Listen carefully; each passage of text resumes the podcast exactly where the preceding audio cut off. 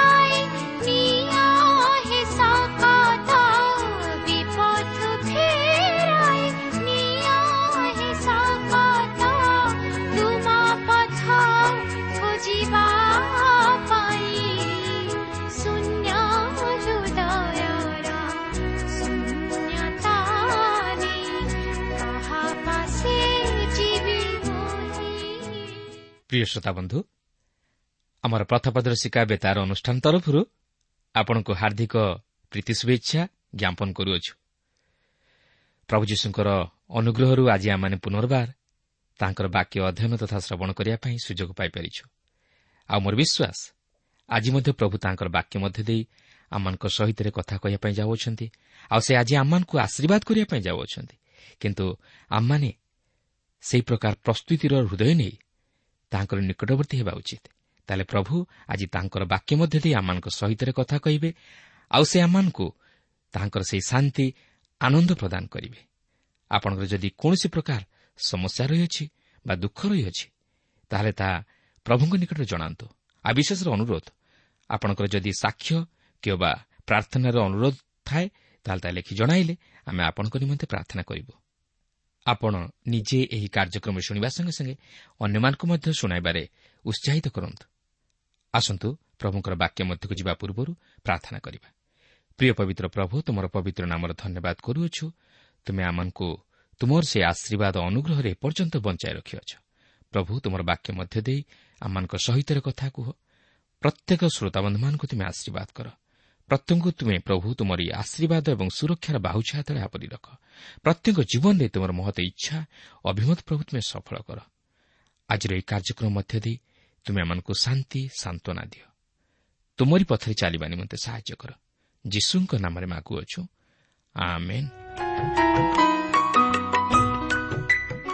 ଆଜି ଆମେ ସେହି ପ୍ରଥମ କରନ୍ଥୀୟ ପାଞ୍ଚ ପର୍ବର ପ୍ରଥମ ପଦରୁ ଆରମ୍ଭ କରି ତେର ପଦ ପର୍ଯ୍ୟନ୍ତ ଅଧ୍ୟୟନ କରିବାକୁ ଯିବା।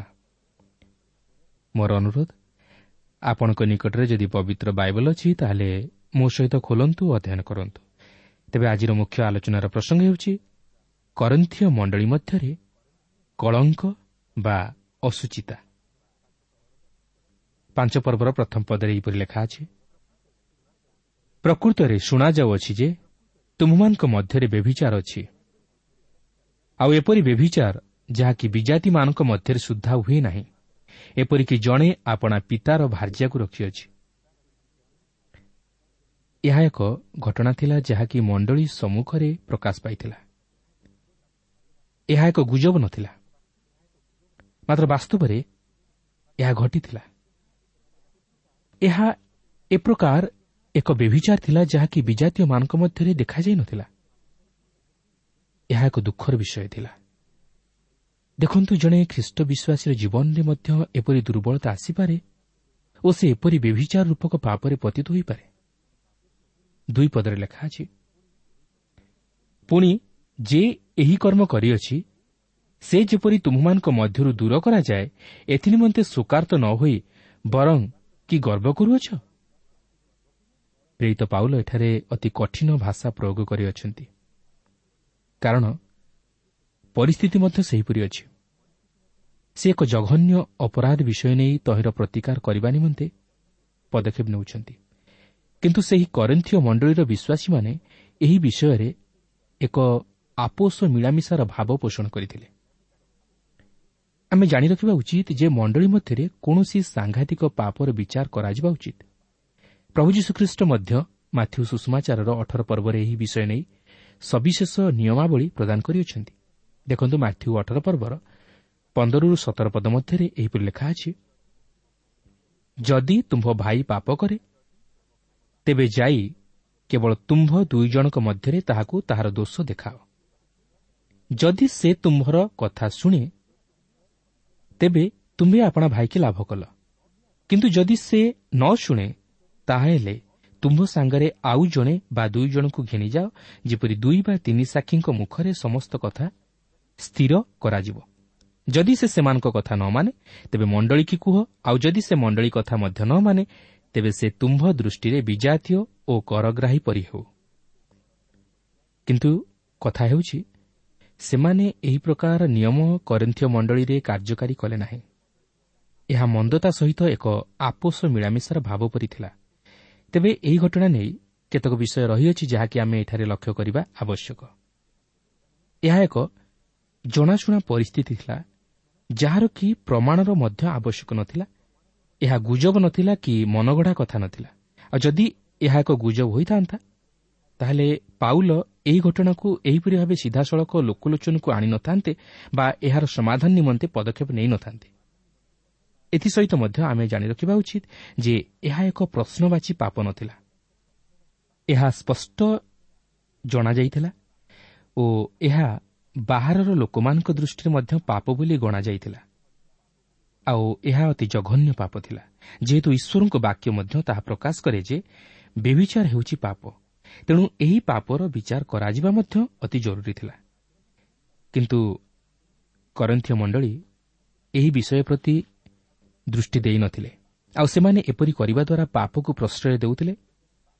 ଆଉ ଯାହାକି ବର୍ତ୍ତମାନ ମଧ୍ୟ ଅନେକ ମଣ୍ଡଳୀମାନଙ୍କରେ ଦେଖାଯାଏ।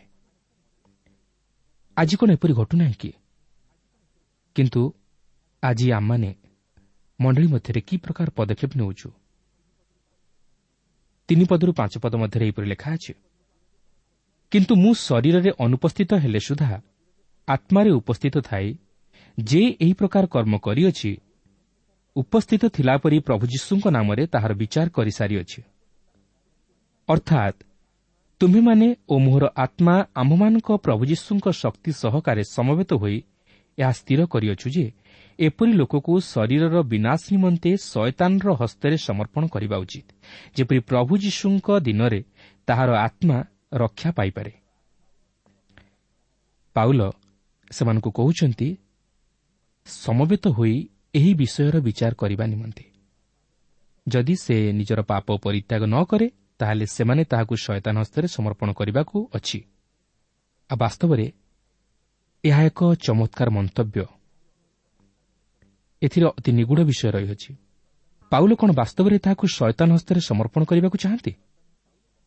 ହଁ ସେ କହିଛନ୍ତି ଓ ସେ ତାହା କରିବାକୁ ଚାହାନ୍ତି।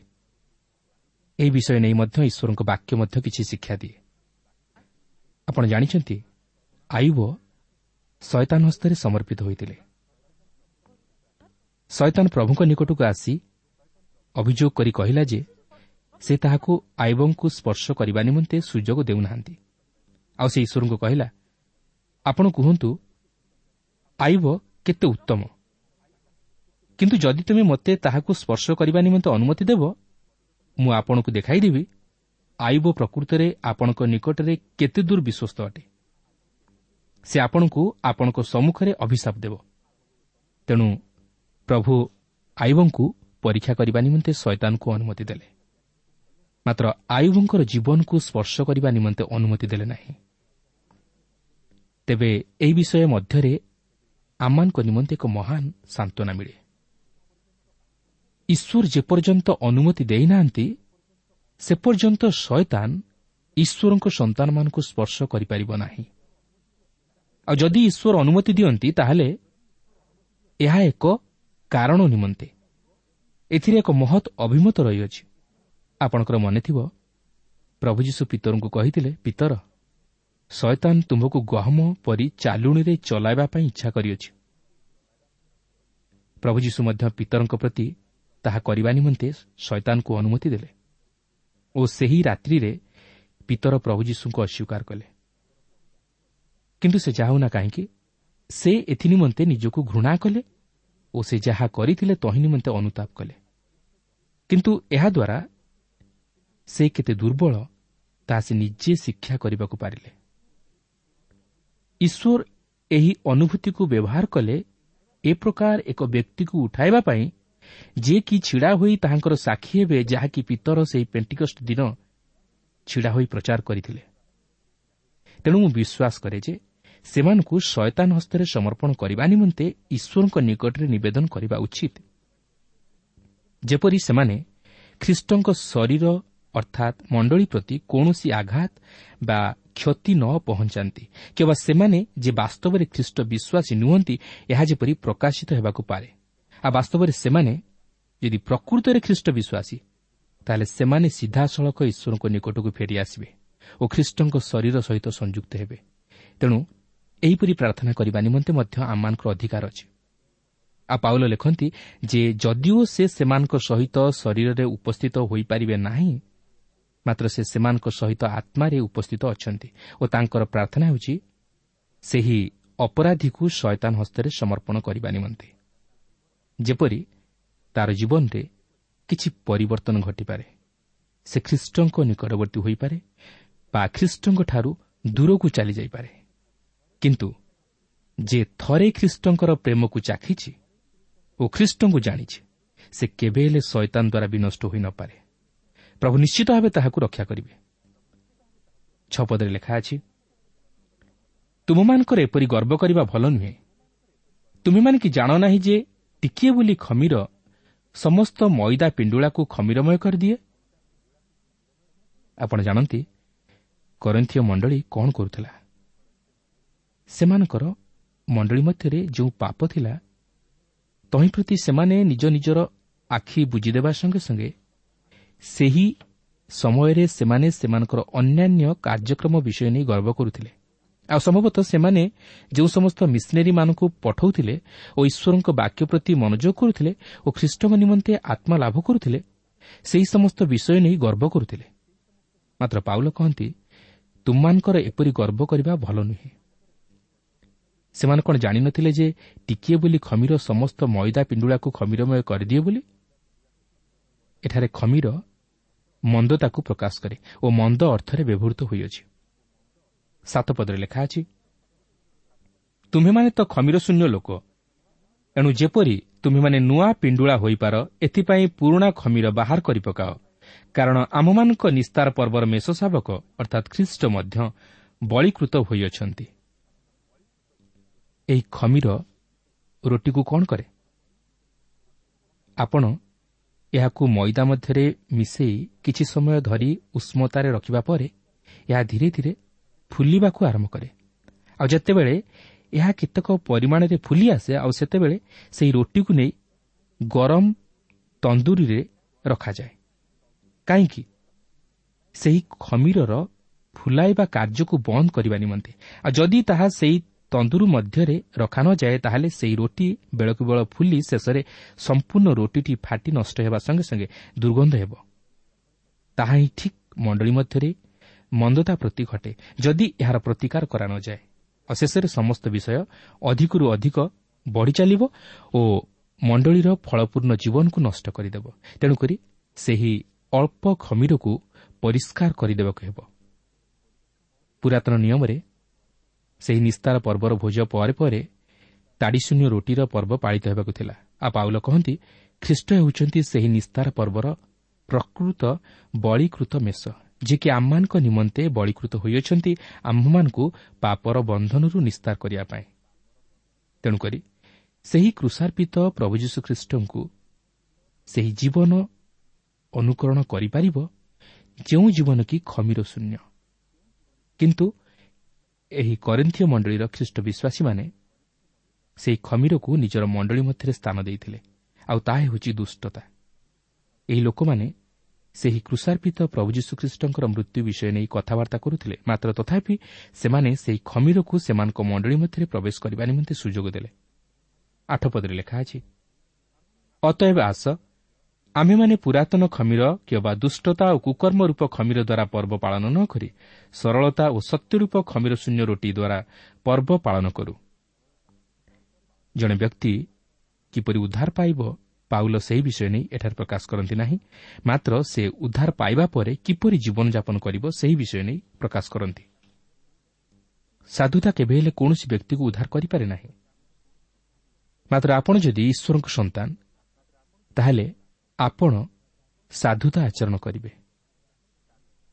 ଆଜି ଜଗତ ଖ୍ରୀଷ୍ଟ ବିଶ୍ୱାସୀମାନଙ୍କ ମଧ୍ୟରେ ସାଧୁତା ଓ ସତ୍ୟତା ଦେଖିବାକୁ ଚାହେଁ। ପାଉଲ କହନ୍ତି ହେ କରିନ୍ଥୀୟ ମଣ୍ଡଳୀର ବିଶ୍ୱାସୀମାନେ ତୁମମାନଙ୍କ ମଧ୍ୟରେ ସେହି ସାଧୁତା ଓ ସତ୍ୟତା ପରିଲକ୍ଷିତ ହେଉ। ଆପଣ ଦେଖନ୍ତୁ ସେହି ମଣ୍ଡଳୀ ମଧ୍ୟରେ ବାସ୍ତବରେ ଅସାଧୁତା ଓ ଅନୈତିକତା ଦେଖାଯାଇଥିଲା। ଆଉ ସେମାନେ ଭାବୁଥିଲେ ଯେ ସେମାନେ ତହିଁରୁ ପାର ପାଇଯିବେ। ଓ ସେମାନେ ସବୁକିଛି ଠିକ୍ ଅଛି ବୋଲି କହି ଛଳନା କରୁଥିଲେ। ସେମାନେ ଛଳନା କରି କହୁଥିଲେ ଯେ ସେମାନେ ସତ୍ୟ କହୁଛନ୍ତି ଓ ସତ୍ୟରେ ଜୀବନଯାପନ କରୁଅଛନ୍ତି ମାତ୍ର ପ୍ରକୃତରେ ସେମାନେ ସତ୍ୟରେ ଜୀବନଯାପନ କରୁନଥିଲେ। ଆଜି କ'ଣ ସେହିପରି ମଣ୍ଡଳୀ ଛଳନାପୂର୍ଣ୍ଣ ଜୀବନ ଅତିବାହିତ କରୁନାହିଁ କି? ମାତ୍ର କେତେଦିନ ଏପରି ସେ କରିଚାଲିବ? ଦିନ ଆସୁଛି ସବୁକିଛି ପ୍ରକାଶ ପାଇଯିବ। ନଅ ପଦରୁ ଏଗାର ପଦ ମଧ୍ୟରେ ଲେଖା ଅଛି ବ୍ୟଭିଚାରୀମାନଙ୍କ ସହିତ ସମ୍ପର୍କ ନ ରଖିବା ପାଇଁ ମୁଁ ତୁମମାନଙ୍କୁ ମୋହର ପତ୍ରରେ ଲେଖିଥିଲି। ଏହି ଜଗତର ବ୍ୟଭିଚାରୀ କି ଧନଲୋଭୀ କି ପରଦ୍ରବ୍ୟ ଲୁଣ୍ଠନକାରୀ କି ପ୍ରତିମା ପୂଜକମାନଙ୍କ ସହିତ ଯେ ଆଦୌ ସମ୍ପର୍କ ନ ରଖିବ ତାହା ନୁହେଁ ତାହେଲେ ତୁମମାନଙ୍କୁ ଜଗତରୁ ବାହାରି ଯିବାକୁ ପଡ଼ିବ। କିନ୍ତୁ ମୋହର ଲେଖିବାର ଭାବ ଏହା ଥିଲା ଯେ ଯଦି କୌଣସି ଲୋକ ଭ୍ରାତା ବୋଲି ଖ୍ୟାତ ହୋଇ ବ୍ୟଭିଚାରୀ କି ଧନଲୋଭୀ କି ପ୍ରତିମା ପୂଜକ କି ନିନ୍ଦକ କି ମତୁଆଳ କି ପରଦ୍ରବ୍ୟ ଲୁଣ୍ଠନକାରୀ ହୁଏ। ତେବେ ଏପରି ଲୋକ ସହିତ ସମ୍ପର୍କ ରଖ ନାହିଁ ପୁଣି ତାହା ସାଙ୍ଗରେ ଭୋଜନ ସୁଦ୍ଧା କର ନାହିଁ। ଏଥିପୂର୍ବରୁ ପାଉଲ ସେମାନଙ୍କ ନିକଟକୁ ପତ୍ର ଲେଖିଥିଲେ ଓ ଏହି ସମସ୍ତ ପାପ ନିମନ୍ତେ ଦୋଷାରୋପ କରିଥିଲେ।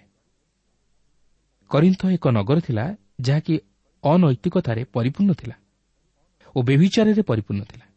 ଆଉ ବର୍ତ୍ତମାନ ଏଠାରେ ସେମାନେ ଏକ ଅନୈତିକ ମନୁଷ୍ୟକୁ ସେମାନଙ୍କ ସହଭାଗିତାରେ ଆସି ସେମାନଙ୍କ ସହିତ ବସି ଭୋଜନ କରିବା ନିମନ୍ତେ ଅନୁମତି ଦେଉଛନ୍ତି। ସେମାନେ ଜାଣନ୍ତି ଯେ ସେ ପାପରେ ଅଛି ମାତ୍ର ତଥାପି ସେମାନେ ତାହାକୁ ନିଜର ଭ୍ରାତାମାନଙ୍କ ମଧ୍ୟରୁ ଜଣେ ଭ୍ରାତା ରୂପେ ଗ୍ରହଣ କରୁଅଛନ୍ତି। କରିନ୍ଥୀୟ ମଣ୍ଡଳୀ ଏହିପରି ଭାବେ ଜଗତ ସହିତ ସାମିଲ ହୋଇ ଏକ ମଝିମଝିକିଆ ଜୀବନଯାପନ କରୁଥିଲା ବା ଏକ ଆପୋଷ ମିଳାମିଶାର ଭାବ ଧାରଣ କରିଥିଲା। ମାତ୍ର ପାଉଲ କହନ୍ତି ଯେ ସେମାନଙ୍କୁ ଏକ ପୃଥକୀକୃତ ଜୀବନଯାପନ କରିବାକୁ ଅଛି ଓ ଏହି ସମସ୍ତ ଅନୈତିକତାଠାରୁ ଦୂରରେ ରହିବାକୁ ଅଛି। ଆଜି କ'ଣ ସେହିପରି ଖ୍ରୀଷ୍ଟୀୟ ମଣ୍ଡଳୀ ମଧ୍ୟରେ ଦେଖାଯାଏ ନାହିଁ କି? ଆଜିର ଖ୍ରୀଷ୍ଟ ବିଶ୍ୱାସୀମାନେ ଜଗତ ସହିତ ଖାପ ଖୁଆଇ ଚାଲିବାକୁ ଚାହାନ୍ତି। ସେମାନେ ଜଗତର ଜାଗତିକତା ମଧ୍ୟରୁ ଦୂରେଇ ରହିବାକୁ ଚାହାନ୍ତି ନାହିଁ ମାତ୍ର ଜାଗତିକତା ମଧ୍ୟରେ ଲିପ୍ତ ହୋଇଯିବାକୁ ଚାହାନ୍ତି।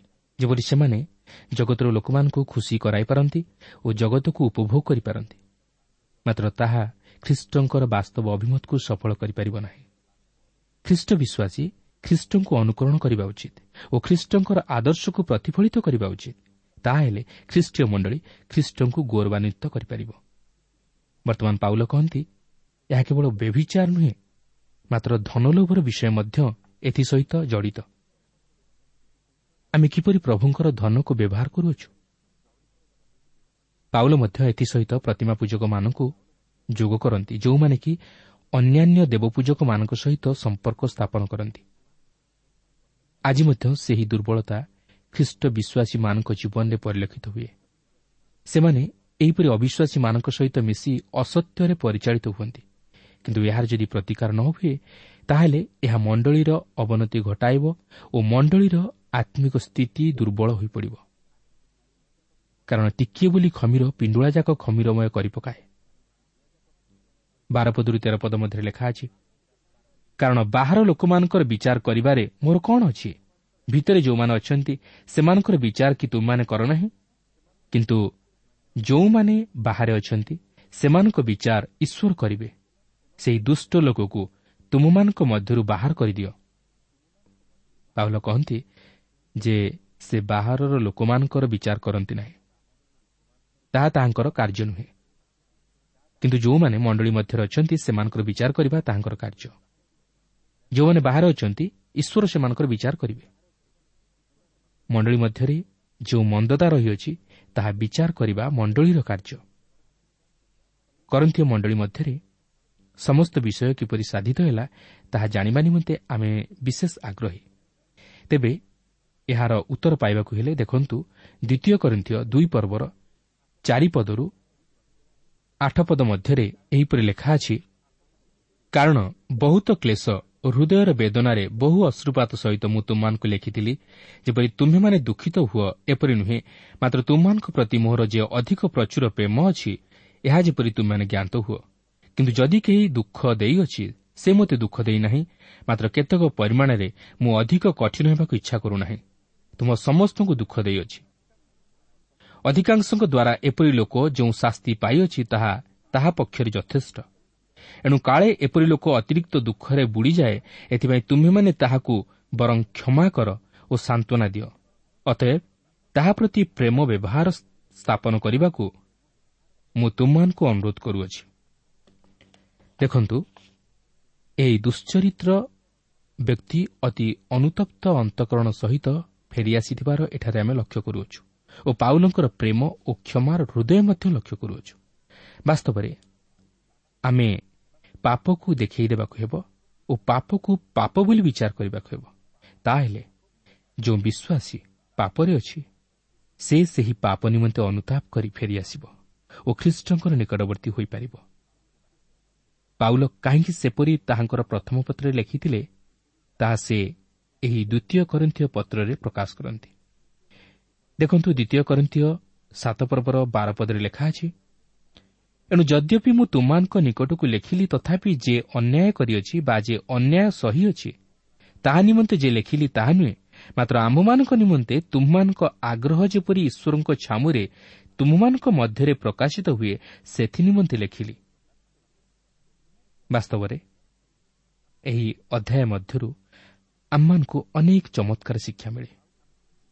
ପାଉଲ ଯେପରି ଖ୍ରୀଷ୍ଟଙ୍କ ମଣ୍ଡଳୀର ହିତ ନିମନ୍ତେ ସଦାସର୍ବଦା ଚେଷ୍ଟିତ ଥିଲେ ଓ ମଣ୍ଡଳୀର ଆତ୍ମିକ ଅଭିବୃଦ୍ଧି ପ୍ରତି ଦୃଷ୍ଟି ଦେଇଥିଲେ ସେହିପରି ଆଜି ମଧ୍ୟ ପ୍ରତ୍ୟେକ ଖ୍ରୀଷ୍ଟ ବିଶ୍ୱାସୀ ଖ୍ରୀଷ୍ଟୀୟ ମଣ୍ଡଳୀ ପ୍ରତି ଦୃଷ୍ଟି ଦେବା ଉଚିତ। ତାହେଲେ ଆଜିର ଖ୍ରୀଷ୍ଟୀୟ ମଣ୍ଡଳୀ ଖ୍ରୀଷ୍ଟଙ୍କର ଅଭିମତକୁ ସଫଳ କରିପାରିବ ଓ ଖ୍ରୀଷ୍ଟଙ୍କର ହୋଇପାରିବ। ତେଣୁ ଆସୁ। ଯଦି ଆମର ବ୍ୟକ୍ତିଗତ ଜୀବନରେ କୌଣସି ଦୋଷ ଦୁର୍ବଳତା ରହିଅଛି ତାହାକୁ ସଂଶୋଧିତ କରି ମଣ୍ଡଳୀର ଆତ୍ମିକ ଜୀବନର ଅଭିବୃଦ୍ଧି ନିମନ୍ତେ ଆମମାନେ ଚେଷ୍ଟିତ ହେଉ। ମଣ୍ଡଳୀର ଶୃଙ୍ଖଳା ରକ୍ଷା କରିବା ନିମନ୍ତେ ଚେଷ୍ଟିତ ହେଉ। ଏବଂ ମଣ୍ଡଳୀ ମଧ୍ୟରୁ ଈଶ୍ୱରଙ୍କର ଅସନ୍ତୋଷଜନକ ବିଷୟ ସବୁକୁ ଦୂର କରି ମଣ୍ଡଳୀର ଆତ୍ମିକତା ଉପରେ ଆମମାନେ ବିଶେଷ ଦୃଷ୍ଟି ଦେବା ଆବଶ୍ୟକ। ତାହେଲେ ମଣ୍ଡଳୀ ଖ୍ରୀଷ୍ଟଙ୍କର ଗୌରବ ରକ୍ଷା କରିପାରିବ ଖ୍ରୀଷ୍ଟଙ୍କର ମହିମା ମଧ୍ୟ ପ୍ରକାଶ କରିପାରିବ। ପ୍ରିୟ ବନ୍ଧୁ ମୁଁ କହି ରଖେ ଯେ ଆମେ ଯଦି ମଣ୍ଡଳୀର ଗୁରୁତ୍ୱକୁ ଦୃଷ୍ଟି ଦେବା ଏବଂ ମଣ୍ଡଳୀ ମଧ୍ୟରେ ଆତ୍ମିକ ମନା ଲୋକମାନଙ୍କୁ ମଣ୍ଡଳୀର ପଦବୀ ମଧ୍ୟରେ ସ୍ଥାନ ଦେବା ତାହେଲେ ମଣ୍ଡଳୀର ଆତ୍ମିକତା ମଧ୍ୟ ରକ୍ଷାପ୍ରାପ୍ତ ହେବ ଅନେକ ସମୟରେ କ'ଣ ହୁଏ ଆମେ ସାଧାରଣତଃ ଯେଉଁମାନେ ଧନୀ ଯେଉଁମାନେ ସମ୍ପତ୍ତିଶାଳୀ ଆମେ ସେମାନଙ୍କୁ ମଣ୍ଡଳୀ ମଧ୍ୟରେ ପଦପଦବୀରେ ସ୍ଥାନ ଦେଇଥାଉ। ସେମାନଙ୍କୁ ମଣ୍ଡଳୀର ଦାୟିତ୍ୱଭାର ଦେଇଥାଉ। କିନ୍ତୁ ତାହା ଠିକ୍ ନୁହେଁ। ଯେଉଁମାନେ ଆତ୍ମିକ ମନା। ଯେଉଁମାନେ ପ୍ରଭୁଙ୍କର ବାକ୍ୟରେ ମନୋଯୋଗୀ ଏବଂ ଯେଉଁମାନେ ପ୍ରଭୁଙ୍କର ବାକ୍ୟରେ ଦୃଢ଼ ଏବଂ ପ୍ରଭୁଙ୍କର ବାକ୍ୟକୁ ଗୁରୁତ୍ୱ ଦିଅନ୍ତି ପ୍ରଭୁଙ୍କର ବାକ୍ୟରେ ବିଶେଷରେ ସେମାନେ ଜ୍ଞାନ ଆହରଣ କରିଅଛନ୍ତି ସେହିପରି ବ୍ୟକ୍ତିମାନଙ୍କୁ ଯଦି ଆମମାନେ ମଣ୍ଡଳୀ ମଧ୍ୟରେ ମଣ୍ଡଳୀର ସମସ୍ତ ଦାୟିତ୍ୱଭାର ଅର୍ପଣ କରିବା ତାହେଲେ ମଣ୍ଡଳୀର ଆତ୍ମିକତା ମଧ୍ୟ ରକ୍ଷାପ୍ରାପ୍ତ ହୋଇପାରିବ ଏବଂ ମଣ୍ଡଳୀ ଦ୍ୱାରା ଖ୍ରୀଷ୍ଟ ମଧ୍ୟ ଗୌରବାନ୍ୱିତ ହୋଇପାରିବେ। ତେଣୁ ଆସୁ ଆମେ ଖ୍ରୀଷ୍ଟୀୟ ମଣ୍ଡଳୀର ଗୌରବକୁ ରକ୍ଷା କରିବା ପାଇଁ ଚେଷ୍ଟା କରୁ ଏବଂ ଖ୍ରୀଷ୍ଟ ଯେପରି ମଣ୍ଡଳୀ ଦ୍ୱାରା ଗୌରବାନ୍ୱିତ ହୋଇପାରିବେ ଏବଂ ଯେଉଁମାନେ ଆଜି ଖ୍ରୀଷ୍ଟଙ୍କୁ ଜାଣିନାହାନ୍ତି ସେମାନଙ୍କ ନିକଟରେ ମଣ୍ଡଳୀ ଯେପରି ସାକ୍ଷମ ରହିପାରିବ ଏକ ଆଦର୍ଶ ଖ୍ରୀଷ୍ଟୀୟ ମଣ୍ଡଳୀ ହୋଇପାରିବ ସେଥିପାଇଁ ଆମମାନେ ଯତ୍ନବାନ ହେବା। କାରଣ ପ୍ରଭୁ ଶ୍ରୀଖ୍ରୀଷ୍ଟ ଆମମାନଙ୍କୁ ମଣ୍ଡଳୀର ରକ୍ଷଣାବେକ୍ଷଣ ପାଇଁ ମଣ୍ଡଳୀକୁ ସୁରକ୍ଷା କରିବା ପାଇଁ ମଣ୍ଡଳୀର ଅଭିବୃଦ୍ଧି ପାଇଁ ଏହି ଜଗତ ମଧ୍ୟରେ ରକ୍ଷା କରିଅଛନ୍ତି। ତେଣୁ ଆସୁ ଆଜି ଆମମାନେ ଯେଉଁ ପ୍ରଭୁ ଯୀଶୁଙ୍କୁ ଜାଣିଛୁ ତାଙ୍କର ଆଦେଶ ଅନୁଯାୟୀ ମଣ୍ଡଳୀର ଗୌରବ ରକ୍ଷା କରିବା ସଙ୍ଗେ ସଙ୍ଗେ ଆଜି ଜଗତରେ ଏକ ଆଦର୍ଶ ଖ୍ରୀଷ୍ଟୀୟ ମଣ୍ଡଳୀ ଭାବରେ ମଣ୍ଡଳୀକୁ ପ୍ରତିଷ୍ଠିତ କରିବା ପାଇଁ ଚେଷ୍ଟା କରୁ। ପ୍ରଭୁ ପ୍ରତ୍ୟେକଙ୍କୁ ଏହି ସଂକ୍ଷିପ୍ତ ଆଲୋଚନା ମଧ୍ୟ ଦେଇ ଆଶୀର୍ବାଦ କରନ୍ତୁ।